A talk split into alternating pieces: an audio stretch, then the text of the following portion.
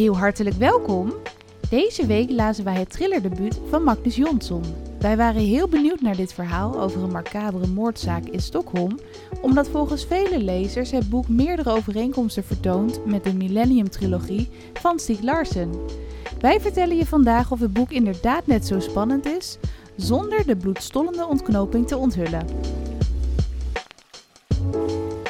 Hallo allemaal. Vandaag hebben we een boek met een, ja, nogal, eh, hoe zullen we het noemen? Spannende titel, namelijk De man die met poppen speelde. En ik weet niet hoe het met jou zit, Sophie, maar toen ik dat voor het eerst las, dacht ik wel meteen, oeh, dat maakt mij nieuwsgierig. Het klonk best wel duister inderdaad. En ik zag ook volgens mij gelijk die Zweedse naam erachter staan, Ma- Magnus Jonsson. En de voorlezer op Storytel, Inge Ipenburg. Toen dacht ik wel gelijk, oh, dit is misschien wel een boek voor Aman en mij eh, weer zo'n spannende thriller. Ja, ik moet zeggen dat Inge ook wel echt goed haar best gedaan heeft en het extra spannend heeft gemaakt. Tenminste, dat, dat vond ik wel. Ja, ook knap met al die Zweedse namen. Want Ja, echt, al wij, die wij komen er al niet uit eh, om de schrijver uit te spreken. Nee, dus, eh, precies. Moet je staan. nagaan. al die straten en plekken waar eh, het boek zich afspeelt. Maar ja, ik dacht meteen wel bij de titel, wat moet ik hiervan verwachten? Wat is dit voor gekke titel? Echt een hele gekke titel. En ik heb hem ook opgezocht hoe dat nou in het Zweeds zou klinken. Er staat dus mannen som lekte met dokkor. dus Nou, dat is Edith, Zweedse titel. Goed je best gedaan. Ja, dus nou ja, nee, ik dacht ook, wat moet dit nou worden? En het klonk gelijk best wel duister. En volgens mij is het toch ook een heel recent verschenen boek. Want ik hoorde dat hij pas dit jaar uit is gekomen. Ik dacht het ook ergens in maart of zo, zou dat kunnen? Ja, zoiets. Want ik dacht nog van, is dit dan een trilogie of een serie? Maar het schijnt dus dat dit boek van eh, Magnus Jonsson het eerste eh, uit het Zweeds vertaald boek in Nederland is. Maar dat er dus wel nog vervolgdelen aan zouden Ja. komen. Dat heb ik ook gehoord, dat het een, een trilogie gaat worden of zo. Ik weet niet of die dan in Nederland al uit zijn, maar er zou nog een deel 2 en 3 moeten... Over de hoofdpersoon. Dat, want het was inderdaad wel echt zo'n boek dat je denkt hè, over een, ehm, wat zijn het, regisseurs, denk ik? Ja. Ricard en, Ja. en Erik.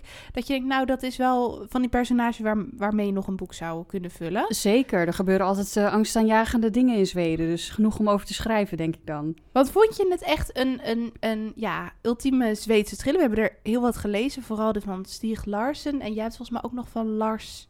Kepler, Ja, en, we En- hadden natuurlijk de vrouw in de kooi was er ook van de Zweedse auteur. Oh nee, Deens, sorry. Was Deens, ook volgens mij. Scandinavisch, ja. Ja, maar ik vind dat het wel veel overeenkomsten heeft hoor. Ik vind sowieso Scandinavische thrillers altijd wel heel spannend. En ik heb het denk ik ook al eerder gezegd, ik vind het wel fijn dat het iets meer de nadruk wordt gelegd op de psychologie achter het gedrag van de dader. En zijn handelen en minder op eh, dat het lekker bloederig moet zijn en vooral veel eh, geweld en pijn en weet ik veel wat. Ehm, ik weet niet of je dat in dit boek misschien niet had. Dan haal ik mijn hele theorie weer onderuit. maar eh, dat vind ik normaal gesproken altijd wel ehm, eh, het pluspunt aan een Scandinavische thriller. Ja, ehm we hebben veel Scandinavische thrillers gelezen. Maar ja, ik, ik vond deze eigenlijk toch een beetje... nou ja, ja, ik vond hem toch iets minder. Ik wilde zeggen tegenvallen, maar dat is wel meteen heel negatief. Ik vond, heftig. ik vond hem toch iets minder. Ja, ik had, het is heel grappig, want wij hebben het boek natuurlijk afzonderlijk van elkaar gelezen. En volgens mij hebben we een beetje samen het boek ontdekt, want wij zaten volgens mij samen een keer door de Storytel inspiratie te, te ja, kijken, zeg maar. Ja, op een na- laatste nachtelijk uur. Ja, klopt. Van Toen wat dachten we, wordt nou het volgende boek? Ja. Toen zag jij die titel volgens mij. Toen zei je, hey, ja toch? klinkt dat niet Zie je, spannend? het is toch, en nou ja, wij waren helemaal enthousiast over de titel, maar ik was het aan het lezen en ik dacht, ligt het nou aan mij?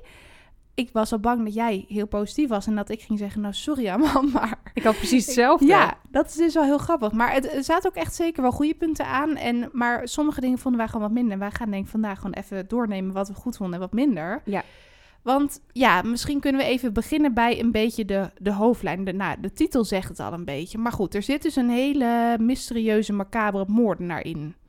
De poppenmoordenaar. En daar kom je, wat je ook al mooi zei, je leest ook vanuit zijn perspectief eigenlijk. Want gelijk de eerste, het eerste hoofdstuk zit je daar gelijk wel goed in, want dan lees je vanuit zijn misdaden en zijn perspectief. Ik vond dus dat de schrijver dat wel goed gedaan heeft. Dat hij je echt als lezer meetrok in dat verhaal. En dat je door de spanning en de situatie die werd gecreëerd... en zich langzaam ontvouwde tot de, de, de scène waarvan je wist dat die zou komen... maar uiteindelijk toch niet echt gebeurde. Want wat er dan daadwerkelijk gebeurt, dat hoor je pas achteraf. Je snapt wat ik bedoel. Ja, Ehm, maar eh, je wordt er op zo'n manier ingetrokken dat je denkt: wow, oké, dit is heel spannend. eh, ik ga doorlezen. Maar ja, hoe snel je er als lezer werd ingetrokken, ehm, zo snel verslapte mijn aandacht ook weer een beetje naarmate ik verder las.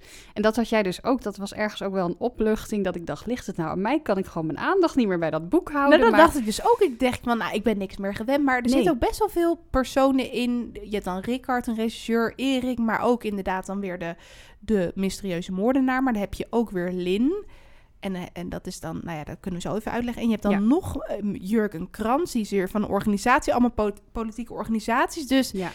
ja, het was niet zoals bij, bij een, een Rani Diaz of een, een Stieg Larsson of zo, dat je al- alleen vanuit de onderzoekers leest en misschien soms vanuit de moordenaar. Het waren heel veel invalshoeken, ja. Klopt. En ik vond dat ook wel weer verwarrend aan het verhaal. ehm, omdat ik wel dacht van, oh, dit, je springt wel heel snel van perspectief. Het was niet eens naar ieder hoofdstukje, waardoor je nog een soort van pauze creëert en denkt van, oké, er komt er nu iemand anders. Dan kun je nog een beetje op voorbereiden. Maar dit was gewoon soms drie zi- zinnen vanuit het eh, oogpunt van Lin en dan weer eh, een stukje vanuit die regisseurs. Dat ik echt dacht, eh, in wiens hoofd ben ik nu eh, aanbeland? Ja, dan moest ik echt even terugspoelen. Misschien is het anders als je het boek op papier leest, dat je de naam ziet staan. Maar soms staat er ook gewoon alleen maar hij. Ja, Dat is natuurlijk ook weer spannend, want dan denk je, hé, hey, wie is dit nou? klopt. Maar nee, dat had ik ook. En dat had ik ook zeker, want het hoofdstuk, eh, ja, hoofdstuk 1 vonden we dus allebei best wel spannend. En Ja. hoofdstuk 2 staat dus, hij hoort zijn telefoon afgaan. Toen dacht ik, oh, die moordenaar wordt gebeld. Ja. Maar dan was het Rickard die eh, met zijn pootaardappelen bezig was. Ja, dat was trouwens wel heel grappig. En er worden wel meer linkjes gelegd met eh, de Millennium Trilogie. Want er wordt ook weer genoemd, dat was toch ook dat plekje waar die journalist kwam van die boeken. Michael, ja. Precies. Maar ehm, ook de, de humor en de, het gewone wat ze naast het werk doen, vond ik ook wel eh, typerend. Ik weet niet of ik nu iets heel gek zeg, maar dat Nou, hij zeg maar een beetje ja. in zijn tuintje zit te vroeten en dat hij eigenlijk houdt van hele gekke muziek. Gewoon dingen die je niet verwacht. En ehm, ja, dat hij dan uiteindelijk toch een eh, hele gruwelijke moord moet gaan oplossen. Maar ik vind wel, als je ja, hebt gehoord dat hij zich daardoor heeft laten inspireren... en je automatisch eh, wat hogere verwachtingen hebt... dat misschien dan toch een beetje tegenvalt. Het is wel, ja, ik snap wat je bedoelt. Het is wel totaal anders, want ik snap ook een beetje de gelijkenis misschien tussen Lynn Stal en Lisbeth Salander. Ja, Een beetje, want Lisbeth Salander is toch wel een heel uniek karakter en die heeft ook echt moeite met sociale eh, relaties aangaan en, en die is echt nog wel, nou ja, die is gewoon wel heel uniek, zeg maar. En klopt. Misschien zagen we wat eh, overeenkomsten tussen Erik en, en Michael. Dat, eh, nou, vooral die Erik zat lekker achter de vrouwen aan in het boek. Dat was dan ook een van de Zeker. regisseurs. Die ging het liefst gelijk na, als de politiedienst erop zat, eh, een biertje drinken en mooie meiden kijken. Ja, ja, dat is dat is waar. misschien ook wel wat Michael had. En ook wel een beetje in, de, in het eerste deel van de Millennium-trilogie, die ik dan, die mij het helders voor de geest staat in ja, elk geval. mij ook. Daar hebben ze het ook inderdaad over allemaal verschrikkelijke misdaden tegen vrouwen. En, en hier gaat het ook wel over verschrikkelijke daden tegen, hè, eh, nou ja, in elk geval die politieke organisaties. Je hebt Ja, eigenlijk bepaalde die- bevolkingsgroep Ja, eigenlijk toch? Ja. precies. Ja. inderdaad. Die dan bepaalde bevolkingsgroepen, die staan gewoon lijnrecht tegenover elkaar. Ehm, maar ik dacht, om even in het verhaal te komen, kunnen we even een klein stukje laten horen van hoofdstuk 1. Eh, hoe dat begon, want dat is dus best Spannend. wel... Ja, best En dat doet hij duister. eigenlijk wel goed, want als lezer denk je automatisch: oh jeetje, de lat eh, ligt hoog als het hiermee begint. Dan, wordt, dan kan het alleen nog maar meer omhoog gaan. Maar ja, sorry, sorry, we kunnen denk ik niet altijd alleen maar positief zijn. Het, het, het kelderde bij mij toch ook wel een beetje. En af en toe Ja. zat er dan zo'n piekje, maar ja, ik, ik was toch een beetje teleurgesteld eigenlijk toen ik het uit had. Ja, ik ook. Want soms heb je dat je dan de plot hebt. Daar gaan we het misschien ook zo even over hebben. Zonder al te veel prijs te geven. Maar dan heb je nog het gevoel van... Wauw, dit was de plot. Precies. Had ik ook niet, Nee. eigenlijk. Nee, Helaas. Ik ook niet. Het was echt een soort van eh, ja, muffin waarvan je denkt... ehm, oké, dan moet de onderlaag wel heel lekker zijn. Want eh, boven valt het wel mee, is die al een beetje uitgedroogd. Maar dat viel dus ook tegen. Het was een nee. Volgende keer toch maar een andere, andere smaak, denk Zeker, ik. Ja. zeker. Maar eh, wat Zo- je zegt, ja. dat begin heeft hij wel echt goed gedaan, vind ik. En eh, Ja. da- daar mogen we ook zeker positief over blijven. Dus eh, deel dat alsjeblieft met ons. Ja, Want dat ik- was een heel leuk stukje. Dat vond ik ook een leuk stukje. En dan hoor je ook gelijk even de link met de titel. Die natuurlijk ook veel duistere zaken doet vermoeden. Zeker. Dit zijn de eerste regels van het verhaal. Dus dan zet je er gelijk in, hopelijk. Ze ademt kort en snel. Ze bewoog een beetje in haar slaap alsof ze voelde dat ze niet alleen was. De man die haar gadesloeg zette voorzichtig een stap naar achteren het donker in. In de kamer hing een vage vanillegeur die de man zich, nog herinnerde. Het was haar geur. Hij hoorde bij haar.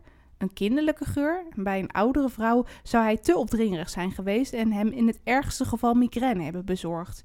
Maar niet bij deze jonge vrouw of meisje in dit bed. Hij liep weer naar haar toe en ging naast haar staan. Ze zag er onnatuurlijk uit. Haar lange blonde haar lag uitgespreid over het kussen, alsof ze geen zin had om het de volgende ochtend te ontwarren. Maar daar hoefde ze zich geen zorgen over te maken, dacht hij. Haar armen lagen langs haar lichaam als bij een pop, een stil uit een film, geruisloos en vredig. Haar aura van onschuld was een illusie, dat wist hij nu. Toen dacht ik al Oeh. gelijk, waar gaat dit naartoe? Zeker. En vooral, eh hè, dat was een illusie. Haar aura van onschuld was een illusie. Dat wist hij nu. Ja, Oeh, nou, dan eh, verwacht je wat. dan verwacht je wel wat. nou ja, en ehm, Maar we moeten ook niet alleen maar het boek afkraken. Nee, maar we moeten, niet. wel, we moeten wel eerlijk zijn. Hè? Ja. Het is, ja, het is een lastige ik vond, het, ja, ik vond het zeg maar wel heel leuk om te lezen. Het was niet dat ik me echt niet door kon worstelen, maar soms, ik vond het gewoon een beetje lastig. Hoe gaan we dit bespreken?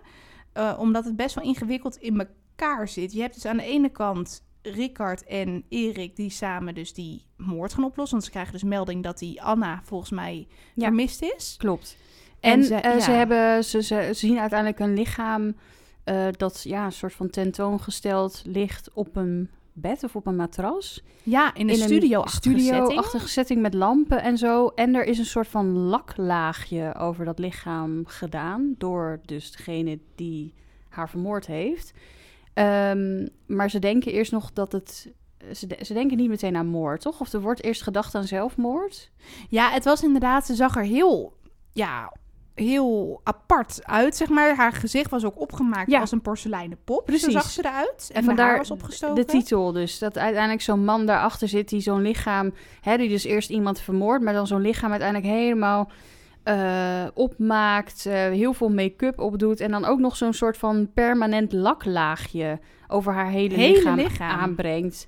Ehm, ja, wat natuurlijk ook wel een beetje eigenaardig is. Klopt. En dan gaan ze dus dan, dan lees vanuit de politie en dat ze dus dan gaan onderzoeken van, nou, wat kan hier gebeurd zijn? Dat vond ik dan ook wel weer opvallend dat ze zeiden, oh ja, het zou wel echt heel erg erg zijn als een kennis of familie dit gedaan zou hebben. Dat ik denk, maar dat, het is toch altijd erg? Ja. En het is waarschijnlijk wel iemand die haar kent, want een wildvreemde gaat, is denk ik, nou, het had gekund natuurlijk, maar nou ja, dat, dat soort dingen dat ik dacht, nou ja, oké. En waar zoek je dan? Hè? Waar begin je dan? Dus ze moesten er überhaupt eerst nog achter komen dat het dus dat lichaam, dat het eh, het lichaam was van die Anna die vermist is. Eh, maar wat is er dan met haar gebeurd? Eh, waar is ze de laatste dagen geweest? Ze hadden volgens mij ook helemaal geen aanwijzingen. Vingerafdrukken, er stonden twee van die theekopjes in de gootsteen inderdaad. En dan gingen ze maar een beetje kijken van wie dat was. Maar ja, Ja. wat zegt dat eigenlijk ook helemaal? Maar ze kwamen, ja, en ze kwamen eigenlijk niet verder. Want zolang er geen match is, weet je ook niet wie eh, ja, achterna moet lopen. En dan op een gegeven moment roepen ze de hulp in van Lin. En dat is dan het nichtje van hun korpschef, geloof ik. Ja, Of, klopt. Nou ja, de baas, ergens een baas van. Ehm, en dat is wel een eigenaardig type. En inderdaad, nu ik weet eh, dat die eh, schrijver zich heeft laten inspireren, inspireren, dat wist ik eerst ook niet tijdens het lezen. Maar toen dacht Nee, ik van, oh ja, eh, dat zou dan misschien op die Lisbeth kunnen slaan. Maar ehm, ja, dat is wel een beetje een eigenaardig type. Ze, ze houdt heel erg van Ja. skateboarden. Ze is een hele intelligente vrouw. Ze weet heel veel van ja, cryptologie, codes, ja, kraken, codes kraken en zo. hacken. Ehm, ja, dus zij is een heel eh, intelligente vrouw. Heel slim in te breken in eh, eh, verschillende bedrijven die heel goed beveiligd zijn. Dus zij wordt op een gegeven moment gebeld door haar tante met de vraag of ze die rechercheurs zou willen helpen met het oplossen van de moord. Omdat ze eigenlijk helemaal geen aanwijzing hebben. Ze weten niet hoe ze verder moeten. Ze lopen een beetje vast. En haar laptop is op een gegeven moment ehm, gevonden Van Anna. van Anna. Ja. Maar daar is eh, alles van gewist.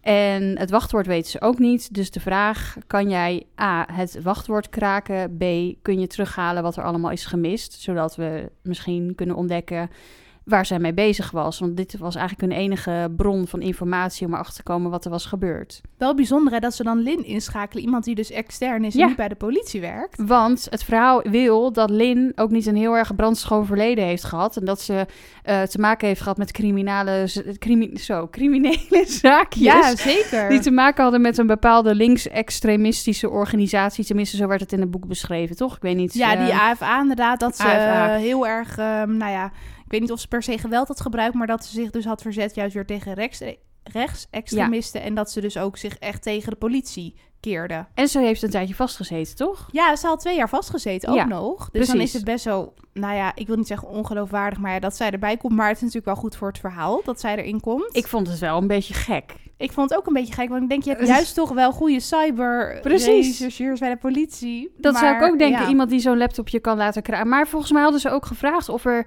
meer personeel ingezet kon worden of zo. En dat dat, dat niet kon vanwege Ja, geld of weet ik Dat veel. zou dan eh. nog kunnen door tijdgebrek dat ze haar als noodoplossing hadden gevraagd. Ja. Maar, eh, maar ja, zij komt er dus bij en zij gaat dus ook best wel nauw samenwerken met Erik en Rickard. En ik ben wel benieuwd, wat vond je eigenlijk van die twee heren om mee te beginnen?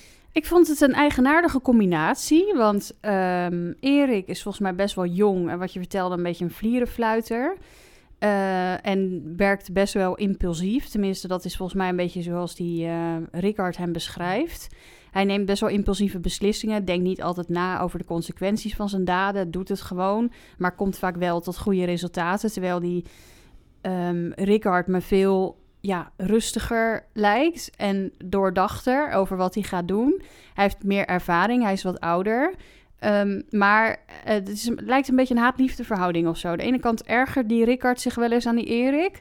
En aan de andere kant gaan ze ook weer goed met elkaar om. En, en eh, komen ze samen tot goede oplossingen. En eh, ja, hebben ze veel eh, daders gepakt. Ja, Dus het lijkt een beetje een, een haat-liefde verhouding. Maar over het algemeen gunnen ze elkaar wel heel veel. En ja, ik vond het op zich wel... mm, Nou ja, wel, wel mooi beschreven. Het had voor mij ook iets uitgebreider gemogen of zo. ja, dat had ik ook, want ik vond eh, zeg maar hoe ze werden geïntroduceerd in het verhaal allebei best wel goed. Want dan las je inderdaad, Rickard was bezig met zijn pootaardappelen en dan lees je ook dat hij heel erg fan is van punkmuziek en Ja. zo. En dat hij een zoontje heeft en dat hij Ja. gescheiden is. Nou ja. En Erik, dat hij dus weer wat jonger is, begin 30, van hip-hop houdt. Dat hij ook, nou ja, dus lekker inderdaad aan het vlieren, eh, fluiten is. Lekker tot laat in de kroeg zit en zo. Maar dat hij dus ook best wel impulsief is. En er wordt ook vaak gezegd: ja, Erik, die moet je s'nachts maar niet uit zijn bed bellen hoor. Want eh, dan doet hij gekke dingen. Dat je denkt: ja, hij is toch politieagent of regisseur? Dan moet je toch uit je bed gebeld kunnen worden. Ja, Maar goed, dat was wel weer grappig. Dat, eh, er zat zeker wel wat humor in. Hun samenwerking bracht zeker wat, wat humor. En eh, ik zag ze ook wel voor me, maar het had inderdaad af en toe wel iets, iets uitgebreid door het verhaal verweven kunnen worden. Ik had nu het gevoel dat ze echt een pagina dan een introductie kregen en daarna Ja, was het klaar of zo. inderdaad. Wat gedetailleerder of zo. Wat, wat meer eh, ja, over, over hun karakter. Of over hun manier van denken. Ja, Precies, dat een beetje. Een manier van denken hoe ze dingen aanpakten Ja. en zo. Dat, dat lazen we niet heel Nee, erg terug. vond en ik daar houden ook. wij wel van waarschijnlijk dan. Zeker. En ehm, het was ook een beetje eigenaardig dat die Lin eigenlijk werd eh, ingeroepen om puur alleen maar te doen wat ze moest weten om eh, die computer te kunnen hacken. Dat was toch het enige inderdaad? Ze moest toch iets kraken of Precies, zo? ze moest dus eh, de harde schijf eh, kraken, maar ook het wachtwoord, want ze wisten het wachtwoord ook niet. Maar ze moesten dus ook de info op die harde schijf zien terug te halen, wat dan blijkbaar ook best wel lastig is. En nou ja, dat. Ehm, maar er werd gezegd van, zo, het is alleen, ja, niet te nodig. Ze hoeft alleen maar te weten wat ze moet weten en meer niet. Maar ehm, uiteindelijk nam zij daar zelf geen genoegen mee, begon ze vragen te stellen en eh, naar achtergrondinformatie te vragen. En werd haar dat ook gewoon zonder pardon gegeven. Ja, Eh, allemaal onderzoek. precies. Gevoelige informatie, zeg maar. Precies, zodat ze uiteindelijk alsnog helemaal betrokken werd bij de, bij de zaak. En zoals op de achterkant al staat, eh, zelf ook gevaar begon te lopen. Ja, Maar dat vond ik ook vrij snel, dat proces. Ik dacht van oké, eh, ze komt wel heel snel eh, bij de kern van de zaak. En heel gemakkelijk. heel gemakkelijk. Want op een gegeven moment heeft ze dan een bepaalde website gehackt. Volgens mij op die laptop van Anna. Die, die pop... Hoe heette het nou? Love Dolls heette Love het. Dolls, Love Dolls. Ja, En ehm, wel echt een eh, seksueel eh, getinte website Ja. waar je zelf dan kon aanbieden aan mannen. En volgens mij ook via de webcam en weet ik veel wat. eh, en ook weer dolls. Dolls, poppen. Precies, poppen. en via berichtjes met mannen in contact kon komen. Maar dat was allemaal zeer beveiligd, omdat die mannen ook af en toe best wel een functie hadden waarin ze het, ja... Hoge niet- functies hoge natuurlijk, functies ja. waar- waarvan ze het niet fijn zouden vinden als mensen erachter zouden komen dat ze op die website te vinden zouden zijn. Dus het was allemaal goed beveiligd. Maar zij zocht dan uit hoe ze dat eh, kon kraken en erachter kon komen dat die Anna daar dus een link mee had en dat ze die pagina had bezocht. Ehm, maar dat dat volgens mij ook weer een, een, een, een dochterbedrijf was van een grotere organisatie. ja, Ehm, het zat weer ergens aan gelinkt. Precies. En wat Ja. is dan die AFA of was dat die Patriotisch Front? Volgens mij was dat die Patriotisch Front. Dat Ja. waren die rechtsextremisten. En toen dacht ehm, Lin ja, dus, hey, daar heb ik eerder mee te maken gehad. In mijn tijd als eh, medewerker van AFA. Want Ja. toen was zij zeg maar de vijand van het Patriotisch Front. Ja, ja. Ze stonden lijnrecht tegenover elkaar. Precies. En toen dacht ze, dit is meer dan alleen maar een eh, Love Dolls eh, website waar zij een profiel op heeft. En ze konden dus ook zien dat zij die Love Dolls site had gehackt. Omdat die dus weer van die PF eh, Patriotisch Front is. Dus zij zagen, hey, ook raar dat je een website hackt... en dat iemand gewoon kan zien wie het heeft gedaan. Ja. Maar goed, dat gaat misschien echt in, de, in het echte leven ook. Dat weet ik niet hoor. Maar Maar ze hadden in ieder geval door dat Lin daar een beetje aan het rommelen was. ja, ze wisten, ze konden gewoon zien dat is Lin. Dus Ja. zij hadden het zeg maar die, die... Nou, ik noem het maar even de, de slechterik. Maar ze zijn allebei, hebben ze natuurlijk geweld. maar in elk geval de patriotische commando's of zo noemden ze zich geloof ik. Oh, ja. PF-commando's. Ja, Die eh, moesten haar dan even aan het schrikken maken en haar bang maken. Want waarom? Ja, ze had, volgens mij heeft eh, Lin hen echt destijds ten gronde gericht. Ja. Omdat zij. via die ehm, AFA. Ja. Ja, en dan heb je dus ook nog die Jurgen Krantz. Ja, wat deed hij er dan eigenlijk? Hij was dan volgens mij weer een soort van een, een tussenleider Oh, ja. van de PF-commando's. En Lin was dus zijn grootste vijand, omdat Ja. hij door haar in de gevangenis had en zijn vrouw kwijt was geraakt. Dat en is soort waar. dingen. Ja, daar heb je gelijk in. Nou, dus jongens, hij zat ook weer achter de aan. Ja, Dus, ja, veel dus Lin zaten achter Lin aan. Had meerdere partijen achter zich aan. Want die AFA, die werd ook een beetje narrig. Omdat ze dachten, yo, Lin is lekker voor zichzelf begonnen. En ze is hier weg. En eh, nou, dat willen we niet. We willen niet dat ze op eigen onderzoek uitgaat. En dat ze bij de politie werkt, want ze waren ook een beetje tegen regels. Want de politie was natuurlijk ook een beetje de vijand van de AFA. Dus Ja. ze had uiteindelijk de AFA, eh, de PF-commando's en eh, Jurgen achter zich aan. Ja, Maar dat, ja, die, die spanning bouwt dan een beetje op. Maar wat mij wel opviel, is eigenlijk wat wij nu net vertelden in een notendop. Dat dat best wel veel eh, tijd in beslag nam. En dat ik af en toe ook dacht van nou, dit had allemaal niet gehoeven, zeg maar. Het was best wel uitgebreid, eh, droog info af en Ja. toe wel. over, over de, de, de, de politieke ehm, ja, eh, standen Ja. en eh, zaken die daarmee te maken hadden. En hoe mensen daarin stonden en gesprekken die daarover werden gevoerd. Dat ik dacht, ja, ik- weet je, ik lees geen eh, politieke thriller. Ik lees een Scandinavische thriller waarin ik gewoon Ja. spanning wil. Een moordenaar, wat psychologie erachter, een, een, een regisseur, weet je wel, wat, wat randfiguren, allemaal prima. Maar al dat politieke, ja, ik weet er geen ander woord voor, geneuzel, dat, dat hoefde ik eigenlijk niet zozeer te weten. Nou, precies. En, en ehm, weet je, ik bijvoorbeeld in de, nou, dan gaan we weer naar de Millennium Trilogie. dat was ook niet alleen, dat was echt alles behalve een standaard Ja. thriller. Ja. Dat had heel veel lagen, maar daarin was het gewoon supergoed eh gedaan. En ik ken ook genoeg mensen die dat dan weer veel te gedetailleerd en te langdradig vinden. Ja, ik vond het wel beter verweven in het verhaal zelf en geen Ja. afbreuk doen aan de spanning. En dat had ik nu wel een beetje. Dat had ik nu ook een beetje. En ehm, kijk, wij lezen heel veel thrillers. En ik, ik kijk, sommige mensen zeggen, ja, je leest, je leest alleen maar ellende. Waarom lees je alleen maar thrillers? en je hebt echt thrillers dat je denkt, oké, ik zie eh, de ontknoping een beetje aankomen. Ja. Maar je hebt ook gewoon heel veel thrillers waarin er ook van alles speelt. En waarin je inderdaad ook de psychologie eh, achter de daden een beetje ontrafelt. En dat bijvoorbeeld bij, bij Helen Grace of, of ehm, nou, Rani Diaz of zo. Tuurlijk, je hebt ook wel eens voorspelbaar. Dit was absoluut niet voorspelbaar, dat moet ik wel zeggen. Maar Wel minder spannend. wel wat minder spannend, omdat het soms te ingewikkeld was. Want je leest dan ook weer af en toe, je leest dus deels over die politieke ideeën. Nou, wat voor verschrikkelijke ideeën ze allemaal hebben over, nou ja, bepaalde bevolkingsgroepen, zeg maar. Ja, die ze gewoon eigenlijk willen uitmoorden, heel grof gezegd. Maar dat Ja. wordt daar gewoon besproken en wat ze dan doen. En ehm, je leest ook een bepaalde scène met een auto. En eh, die, die kan Van die dan- Jurgen was dat van weer. die Jurgen, die kan die dan onder stroom zetten. En dat hij gewoon dan ja, bepaalde mensen uitschakelt op die manier. Hij vermoordt Dat- ze gewoon voor de grap. Dat is verschrikkelijk. Ja, echt, echt een, een psychopaat. En dat was misschien ook een beetje... ehm, misschien was het soms een klein beetje zwart-wit. Kijk, je, je hebt natuurlijk helaas echt wel psychopaten. Maar dat ik denk, die Jurgen Krans, dat was gewoon een in- en in slecht mens. En er zat niet een ander menselijk randje aan. Nee, wat je zegt, het was wel meteen echt 100% slecht. Ja, En je kon je ook totaal niet voorstellen dat jij ooit zou zo zou kunnen handelen. Niet dat je dat in andere boeken wel hebt, maar daar heb ik wel meer. Dat ik denk, ik snap jouw gedachtegang. Ik zou zelf nooit zoiets doen. Maar Ja. ik kan me vinden in jouw gedachtegang. En dat is natuurlijk ook de kracht van het schrijven van een thriller. dat je die beide perspectieven heel goed Zeker. belicht. En dat dus een dader die iets heel ergs gedaan heeft... uiteindelijk toch een greintje begrip kan kweken bij een lezer... die, die ja, daar absoluut eh, niet op zo'n manier aan denkt, maar wel door de psychologie erachter snapt waarom een dader doet wat hij doet. Precies. En het, ehm, het, het, ja, het grappige, ik weet niet of dat het goede woord is, maar je hebt dus eigenlijk twee verhaallijnen. Want je hebt aan de ene kant de poppenmoordenaar, zoals we maar noemen, want er komen Ja. helaas nog meer slachtoffers. Ja, En je hebt dus die vechtstrijd van die organisaties, die eh, PF-commando's en zo. ja. Ehm, maar wat vond jij, want af en toe las je dus ook vanuit de man in het blauw, of de, nou ja, de man die dan weer naar zijn huis ging met een heel sprookjesachtig 19e eeuws huis, waar dus ook heel veel poppen in stonden. En Dat zo. vond ik heel eng trouwens. Ja, hè? Eh, Poppen zijn toch een beetje eng. Ja, er was zo'n stukje dat hij dan eh, in zijn eentje ook zat, volgens mij bij die poppen. Ja, dat was een beetje op het einde. Ja, klopt. Dat vond ik echt heel eh, luguber. Dat Sorry, hij een maar beetje zat... Nou, dat, ik wilde inderdaad ook vragen, wat vond Ja. je van zijn verhaallijn, van zijn perspectief? ik vond het vooral een hele enge nare man.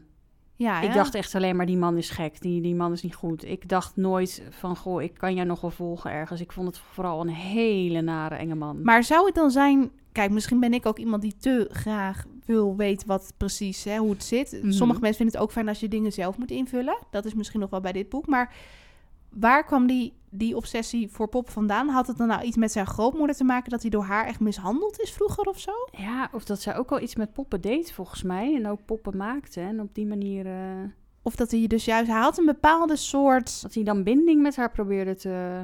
Ik weet nou niet of of het zo. zeg maar een positieve of een negatieve binding was. Of hij nou een liefde voor haar voelde of haat. Dat wist ik dus niet helemaal. Wat bij mij echt vooral overeen bleef staan, was een soort van walging, eh, narigheid, eh, angst. Eh, ik vond het echt heel, heel raar. En wat ik vooral ook verwarrend vond, misschien is dat ook wel de reden dat ik me gewoon minder goed kon concentreren op één bepaald persoon, is dat er zo snel van perspectief werd gewisseld. Ik ben heel erg gewend dat het bijvoorbeeld na ieder hoofdstukje gebeurt en dat je dan ook in je hoofd even een soort van pauze hebt en een overgang kan maken naar iemand anders. En nu las je af en toe een aantal zinnen over Lin. Ehm, dan ging het weer zes zinnen over de regisseur. Ja, Dan was het hoofdstuk afgelopen en dan ging het weer over de poppenman. Dat ik dacht, precies. oké, Eh, ja. ik moet even bijkomen van deze schakelingen. En misschien Ja. maakte dat ook wel dat ik me minder goed kon concentreren op één persoon. Want het zo snel veranderde en ik dan ook best wel moest nadenken over wie het nou weer ging. Nou, en het was ook niet... ehm, het was ook ineens, dan had je Maria. Volgens mij was zij ook iemand die hen dan hielp met foto's maken en onderzoek Ja. doen naar Dus vingerafdrukken. een En dan las je forensisch weer... eh, Ja. eh, onderzoeker. Precies, en dan las je weer een paar zinnen vanuit haar. Van, oh, wat Ja. zou Rickard voor me voelen? En dan denk ik van... Of dan las je weer vanuit die ene vrouw die ook bij de politie... Nou, gewoon... Eigenlijk vond ik dat een beetje afbreuk doen Ja, aan de persoon zelf. doen. Want ik vind dat je er meer tijd aan zou kunnen besteden om uit te wijden over wat iemand denkt. En dan niet als je leest over een telefoontje dat Rickard heeft met haar. Dan denk ik, laat het gewoon Rickard zijn. En Ja. niet dat zij opeens even Ineens zeg je moet doen over. met twee zinnen. En dan is het opeens ook weer klaar. Dan denk ik, ja, maar er is dus verder ook helemaal geen tijd Nee. meer voor haar gemaakt. Dus dat, Dat, het, het doet, dat voegde voor mijn gevoel niet superveel toe aan het Nee. verhaal. voor mij ook niet. En ehm, ja, het is even wennen voor ons om Ja, een beetje zeker. negatief te zijn. Kijk, misschien vinden sommige mensen dat juist heel dynamisch of zo, dat het zeg maar niet saai is. Maar nee, ik vond dat een beetje afbreuk doen. Want eh, je had dan ook bepaalde scènes tussendoor. Je las trouwens over het onderzoek doen. Ik, ik had het gevoel dat Lin als enige het onderzoek aan het doen was. Ja, dat gevoelde ik ook een beetje. Die anderen liepen er soort van maar een beetje te land vanten. bier, bier drinken. Zeker. En, En, ja. eh, Maar dat lijkt ja. ook wel een beetje de droge Zweedse humor te zijn, hoor. Want Ja, ik heb meer van dat soort boeken grappig. gelezen. En dan had je ook zo'n regisseur. Volgens mij bij de vrouw in de kooi. En die lag ook altijd even een dutje te doen in zijn ja, die kantoor. Karel. eh, En dan, eh, dan kwam zijn hulpje uiteindelijk zeggen... eh Karel, we hebben hier een aanwijzing. Misschien moeten we daar wat mee doen. En dan zei hij ook rustig... ja, het is al drie uur, toch? Nou, dat doen we morgen wel. Ja, precies. Misschien zijn wij te veel die eh, Britse thrillers gewend of die Vlaamse thrillers. Maar Ja, in elk geval hier ehm, had ik het gevoel dat eigenlijk iemand die niet is opgeleid als regisseur dan eh, het heel erg veel helpt bij het onderzoek. Maar goed, dat was Lisbeth Salander natuurlijk ook, hè, Ja. om weer even in Stieg Larsson eh, begrippen te praten. En ik denk ook omdat ze door dat hacken en codes kraken... eh, met bepaalde programmaatjes die je dan eh, kon gebruiken... om uiteindelijk een wachtwoord te kraken of om uit te zoeken... eh, ja, waar, waar haar account was gebleven op die website, eh, Love Dolls en zo... ehm, kwam zij natuurlijk steeds achter nieuwe informatie. Dus eigenlijk was zij als eerste op de hoogte van nieuwe feiten. En liepen die anderen eh, eigenlijk Klopt. drie kilometer achter haar, achter haar feiten aan. Zij had een beetje de touwtjes in handen. Ja. Ging op een gegeven moment ook berichtjes sturen naar allemaal meiden die op die site werkten. Dat ja, ging niet zo nee, dat is eigenlijk wel heel naar. Want eh, de, ja, wat je al beetje- zei, er volgden toch meer slachtoffers. En hadden Ja. die nou ook allemaal te maken met love dolls? Of, Ja, eh, volgens mij wel. precies, dat dat tweede slachtoffer ook. Ja. En nou ja, er zijn dus meerdere mensen. En het lijkt dus ook, ik weet niet of we dat mogen zeggen. Ik weet nog niet helemaal, als we iets verklappen over de moord, moordenaar, zullen we duidelijk aangeven hoor. Maar we zullen niet al te veel spoilen. Maar die heeft het op een gegeven moment ook op Lin gemunt, toch? De poppenmoordenaar. Of zeg ik nu alweer te veel? Ehm, ja, maar ze wordt dus van meerdere kanten belaagd. Ja, eigenlijk En is ze bij niemand bijna, of nou, bij meerdere mensen is ze niet geliefd, laat ik het zo zeggen. Nee, en het was mij af en toe ook niet helemaal duidelijk hoe ver we nou precies waren in het ehm, proces waarvan verschillende mensen Lin iets wilden aandoen, als je snapt wat Ja. ik bedoel. Ja, want Want- op een gegeven moment was er een aanslag bij een koffietentje waar Ja, ze zat. En dat was echt opeens. dat was echt uit het niets. En, en wat ik wel grappig vond, is dat er best wel veel stukjes in voorkomen dat Lin aan het skateboarden is. Daar heeft Ja. die schrijver schijnbaar ook eh, iets mee, een hobby of een passie. Ja, of, hij is, eh, hij is echt fan van skateboarden blijkbaar, hè? ja, precies. Maar En wat ik, punkmuziek ook. Wat ik wel apart vond, is dat volgens mij na die aanslag, als dat net is gebeurd, dan wil Rigard achter die dader aan. Ja, in die en Audi. die denkt, hop, ik stap even op het skateboard, dat gaat wel goed. En ik ga daar even achteraan. Ik bedoel, het gaat uiteindelijk niet heel goed, maar het gaat wel zo goed dat, dat, doet hij dan weer wel. gewoon keihard skate. eh, hij daar- gaat wel door het vuur. Precies, maar hij weet niet meer hoe hij moet remmen. Maar hij kan zeg maar wel opeens heel hard skateboarden. Dat ik denk, ja, maar als een of andere simpele ziel op zo'n skateboard... die, die stort toch meteen ter aarde na 10 meter? Of zie Ja. ik dat verkeerd? Nou, ik weet niet. maar- Misschien is hij heel goed getraind bij de politieopleiding. Wie weet. weet. het niet. Maar nee. maar nee, dat is wel waar. En op een gegeven moment, dat viel me ook op, dat ehm, op een gegeven moment wordt Lin belaagd in haar huis door een van de mensen die het op haar gemunt hebben. Ja, die is dan toch al binnen? Die is binnen. Ja. Maar dan komen de, dan komt er echt een reeks aan heftige gebeurtenissen achter elkaar. Ja, wat vond jij daar nou van? Vanaf dat moment dat zeg maar Lin wordt belaagd in haar huis... Ja. tot zeg maar vlak voor het einde. Vlak voor het eind. Dat is best wel een heel lang stuk. Klopt. in het verhaal. Want ik zal niet te veel spoilen, zodat het nog leuk blijft voor de luisteraars om zelf te lezen. Ik hoop dat ze het überhaupt nog leuk ja, vinden nee, bij het is echt, probeer het hoor. probeer het zeker. Als je van wisselende perspectieven houdt, Zeker. is het ideaal. Maar nee, wat ik daarvan vond, nou ja, ehm, ik vond het wel spannend, want dan zat dus, nou ja, die poppenmoordenaar in haar huis. En nou, die had er allemaal lekkere lak en een spuit klaar liggen en zo. Dat was best wel eng, ja. Dat was heel eng. En Ja. toen had hij er ook bijna volgens mij te grazen genomen. Ja. En toen werd dus de deur ingetrapt. Toen dacht ik, oh ja, nu komt natuurlijk de politie te redden. Maar dat was niet zo. Toen volgde er dus een hele bloedige scène tussen twee nieuwe binnenkomers met de poppenmoordenaar. En Lin, die weet dus op een soort van manier te ontkomen. Maar dan komt ze dus weer in een andere val terecht. Precies, en er, werden, er lagen opeens ook heel veel doden. Er lagen heel veel doden en er was echt een kapotgeslagen strothoofd. En Ja, maar dat was echt best wel heftig. dat was echt heel heftig. En, En je- nee, ik ja. dacht inderdaad ook, oh, nu is het dan zeker klaar. Nu wordt ze gered. Maar Ja. dus toen kwam er nog meer ellende. Toen dacht ik yes, want toen had ze iemand gezien in een auto, maar dat bleek Ja. toch ook niet hele beste bedoelingen te Nee, hebben. want toen stapte ze daarin en toen werd ze zeg maar ontvoerd. Toen werd ze ontvoerd. Is wel echt een soort superwoman, want Nou, ze is echt... Ze is geloof ik wel zes keer overal vandaan Ja. ontsnapt. En eh, telkens net niet weer ehm, gepakt door iemand anders. Precies. Eh, Dat ze dacht van, oh, nu ben ik vrij. Oh nee, toch niet. Ah, maar nu dan? Nee, toch niet. En Ja. heeft zich uit een heel klein raampje gewurmd. Met, de dat ik met- denk, hoe doe je dat? precies. Uit een kelder of zo. Tot zes keer toe echt een soort van ontsnapt. Dat je denkt, oké, één keer lijkt me al bizar. Een mens heeft geen zes, zeven levens. Nou, dat vond ik dus ook een Maar Lin beetje... wel. Ja, ik mag het niet zeggen, maar dat vond ik ook een beetje... eh, ja, hoe zou ik het Ongeloofwaardig. zeggen? Ja, ongeloofwaardig. Ik Ja. wilde eigenlijk zeggen te veel van het goede, maar Ja. jij zegt eigenlijk... Oh, ja, nee, dat is wat ik dacht. Ja, ik dacht, nee, dit kan niet. Dat is te veel. Het was, wel, het was wel te veel, maar het was wel spannend om te lezen, vond ik. Nou, ik vond het wel spannend om te lezen, omdat Ja. ik wel dacht van... Oh ja, toen zat ik er wel iets meer in, moet ik, Ik ook. eerlijk zeggen. Ja, ik ook. Nee, dat was echt de actie. Toen dacht ik, oh, oké, maar nu wil ik hem ook uitlezen. Ja, en dat heb ik al, het alleen als het spannender. Ja, Ja. precies, precies. Dat heb ik ook alleen als ik het echt spannend vind. Dus dat zeker heeft hij goed gedaan. Dat, dat heeft hij heel goed gedaan. En Ja. het leek bijna wel een film. Want er gebeuren echt wel heftige dingen. Van tot in auto's sleuren tot schieten. En ehm, wat ik wel grappig vond. Die dader. Ik zal niet zeggen wie het is. Maar nou ja. Hoe, ik, ik zal nu een heel, heel, heel klein tipje van de sluier oplichten. Maar dat is iemand die al eerder in het boek is voorgekomen. Dat is natuurlijk heel vaak zo met de moordenaar. Want anders is het niet heel spannend, de ontknoping. Klopt, maar ik zag hem toch niet helemaal aankomen. Ik zag hem niet aankomen, maar ik dacht ook, hij zei iets tegen Lin terwijl hij er aan het insmeren was met die lak. Verschrikkelijk. En dan denk ik, ze heeft niet zijn stem herkend. Maar misschien Nee. kwam dat omdat ze even gewoon helemaal in shock was. Dat vond ik inderdaad ook wel heel gek. Want ze kende zijn stem al wel. Zeker. En ze heeft gewoon een aantal keer met hem gesproken. Ja. En eh, nou, niemand verwacht natuurlijk dat hij dat dan gedaan heeft. Dat vond ik een beetje raar. Dat vond ik ook wel heel... En nou herkent ze hem gewoon niet. Of hij verdraaide heel erg zijn stem of zo. Ja, maar... En, en je verwacht iemand misschien niet in die setting. En Nee. misschien herken niet iedereen's stem. Maar nee, dat, dat laatste gedeelte was wel heel spannend. En, en Lin sowieso aan zich. Wat vond je van haar dan? Want zij was dus heel intelligent en kon heel goed codes kraken. Wat vond je verder van haar als persoon? Ja. Was dat beter uitgewerkt? Ik heb toch wel een beetje een zwak voor dat soort coole, sterke, stoere vrouwen. Ik weet niet waarom. Maar ik vind het gewoon leuk als zij het uiteindelijk toch een beetje oplost en overleeft en overwint. En, En ze zet zich echt in voor het goede ook. Voor het- Precies. voor het- en weet je, ze heeft een ja. slechte naam en ehm, ze is niet heel goed met mensen, maar ook weer wel. Het is een beetje lastig. Ze houdt heel erg van op zichzelf zijn, maar ook van feestjes. Ze heeft een vriend, maar ze hebben afgesproken dat ze het ook met anderen leuk mogen hebben, laat ik het zo zeggen. ja, open relatie. Precies. Ehm, dus ja, ik weet niet. Ik vond haar wel interessant. Ik had niet het gevoel van ik miste iets over haar of zo. Nee. Ik had gewild dat, dat je haar uitgebreider had beschreven. Maar misschien denk jij daar wel heel anders over. Dat weet ik niet.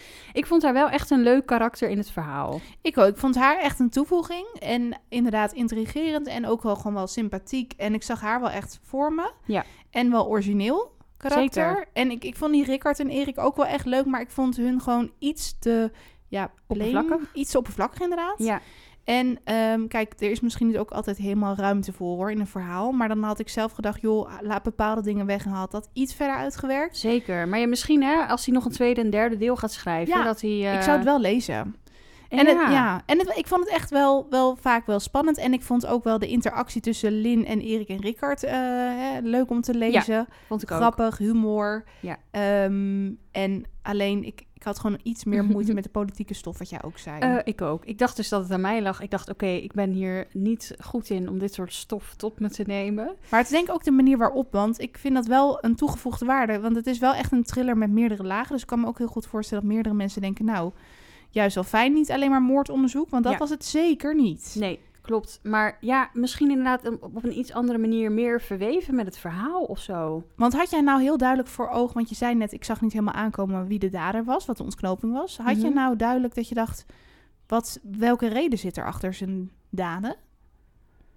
Dat vond ik dus minder Ja, helder. ik zit ook te denken van misschien mis ik hier iets omdat jij mij die vraag stelt. Maar ik kon ook niet helemaal vatten waarom hij nou tot die daden kwam. En ook op die manier. Ja, Nee. is omdat hij dus iets met poppen heeft. Maar Ja, ik bedoel, eh, weet je, ga lekker dan in je kelder poppen maken. Prima. Maar ja dat deed hij ook. Hij zo'n Ja. hele poppenkamer. Nou, dat was echt eng hoor. Een Dat- poppenkabinet. Oh, verschrikkelijk. Uh, en toen zag ze ook al die poppen en toen zag ze hem ook. En toen, Oh, ging nee, er- dat vond ik wel heel eng. dat vond ik ook heel eng, want toen ging er een soort van lichtje branden van, oh, maar jij bent het dus. En toen was er ook een soort van achtervolging nog, want hè, Ja, ze dacht, ik ga naar een veilige plek.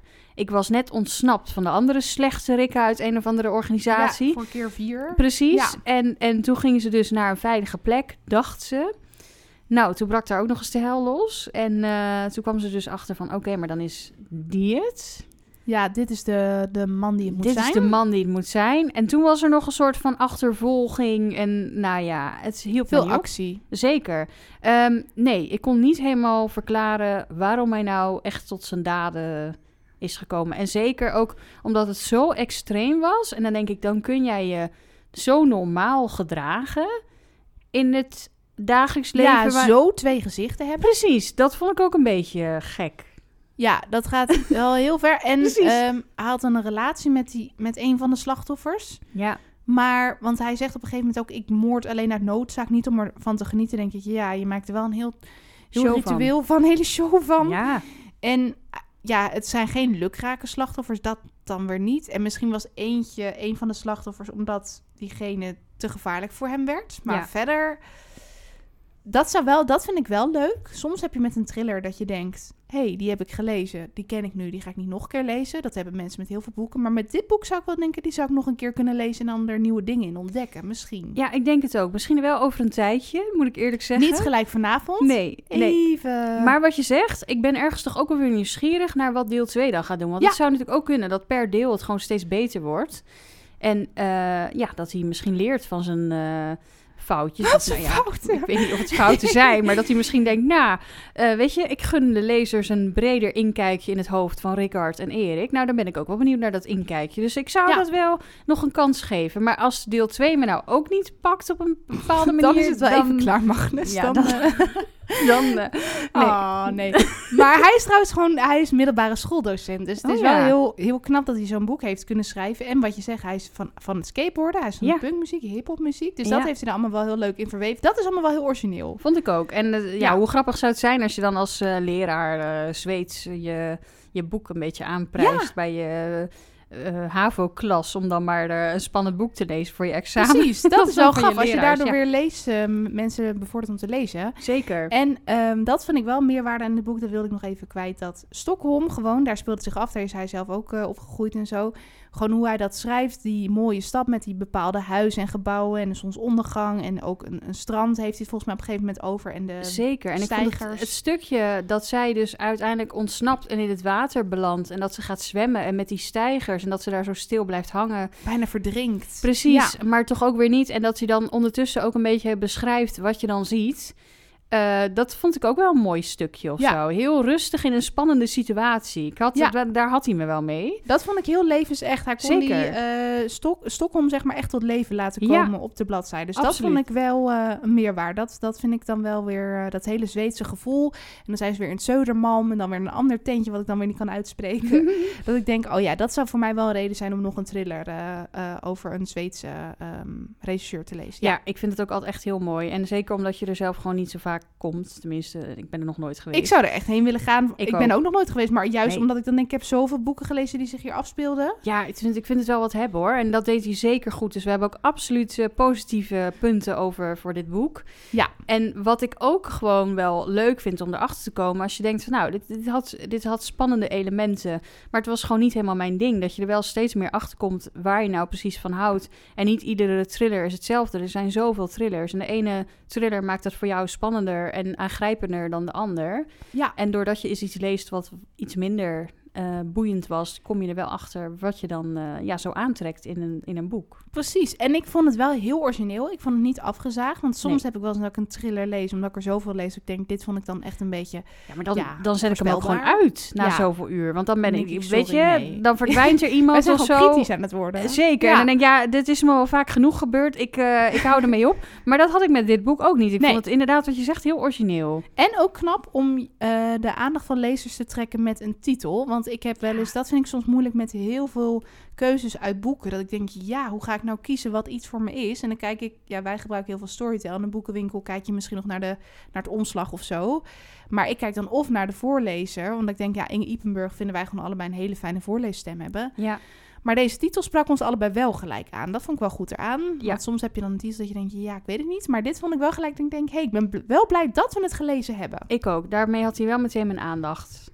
Ja, en ehm, je komt er ook wel achter waarom hij met poppen speelt. En dat wordt uitgebreid besproken. Ja, zeker. Dus nee, Dus, over nou het algemeen, ik zeg, eh, het was niet mijn beste boek, maar ook niet het slechtste boek. En als je zin hebt in een originele, spannende thriller waarin veel eh, ruimte wordt gelaten aan het beschrijven van sfeer en ruimte en zo, maar ook veel eh, plek is voor politieke problemen, dan zit je zeker goed. Precies. En ik vind het ook altijd goed als een schrijver gewoon problemen beschrijft, hoor. Die spelen in de samenleving, Ja. tuurlijk. Maar ik vond het gewoon hier niet helemaal uit de verf komen. Maar ik vind Nee. het echt wel goed Het was ook allemaal best wel wordt. plotseling, als je Ja. snapt wat ik bedoel. Dus er werd gewoon plotseling door, met een paar regels eh, door een aantal feiten neergezet wat er dan aan de hand was en wat er speelde. Dat ik dacht, ja, maar dit is zo'n groot maatschappelijk ding. Ja. Daar mag je of meer tijd aan besteden of ja, dit anders verwoorden. Bijvoorbeeld je- dingen over, over racisme, racisme. Ik vind het supergoed als daarover geschreven wordt om mensen bewust te maken en dat je daarin gaat verdiepen. Maar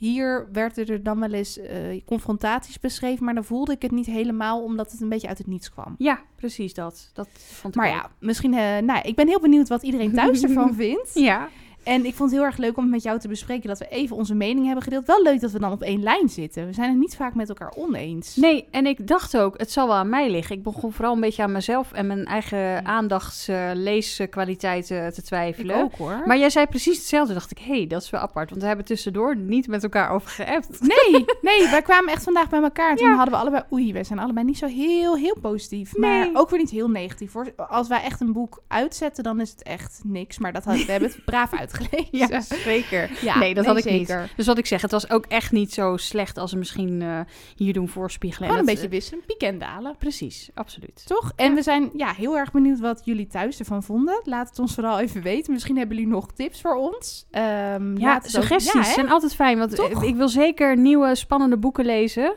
Maar ook bijvoorbeeld eh, romans als De Zeven Zussen vind ik altijd mooi.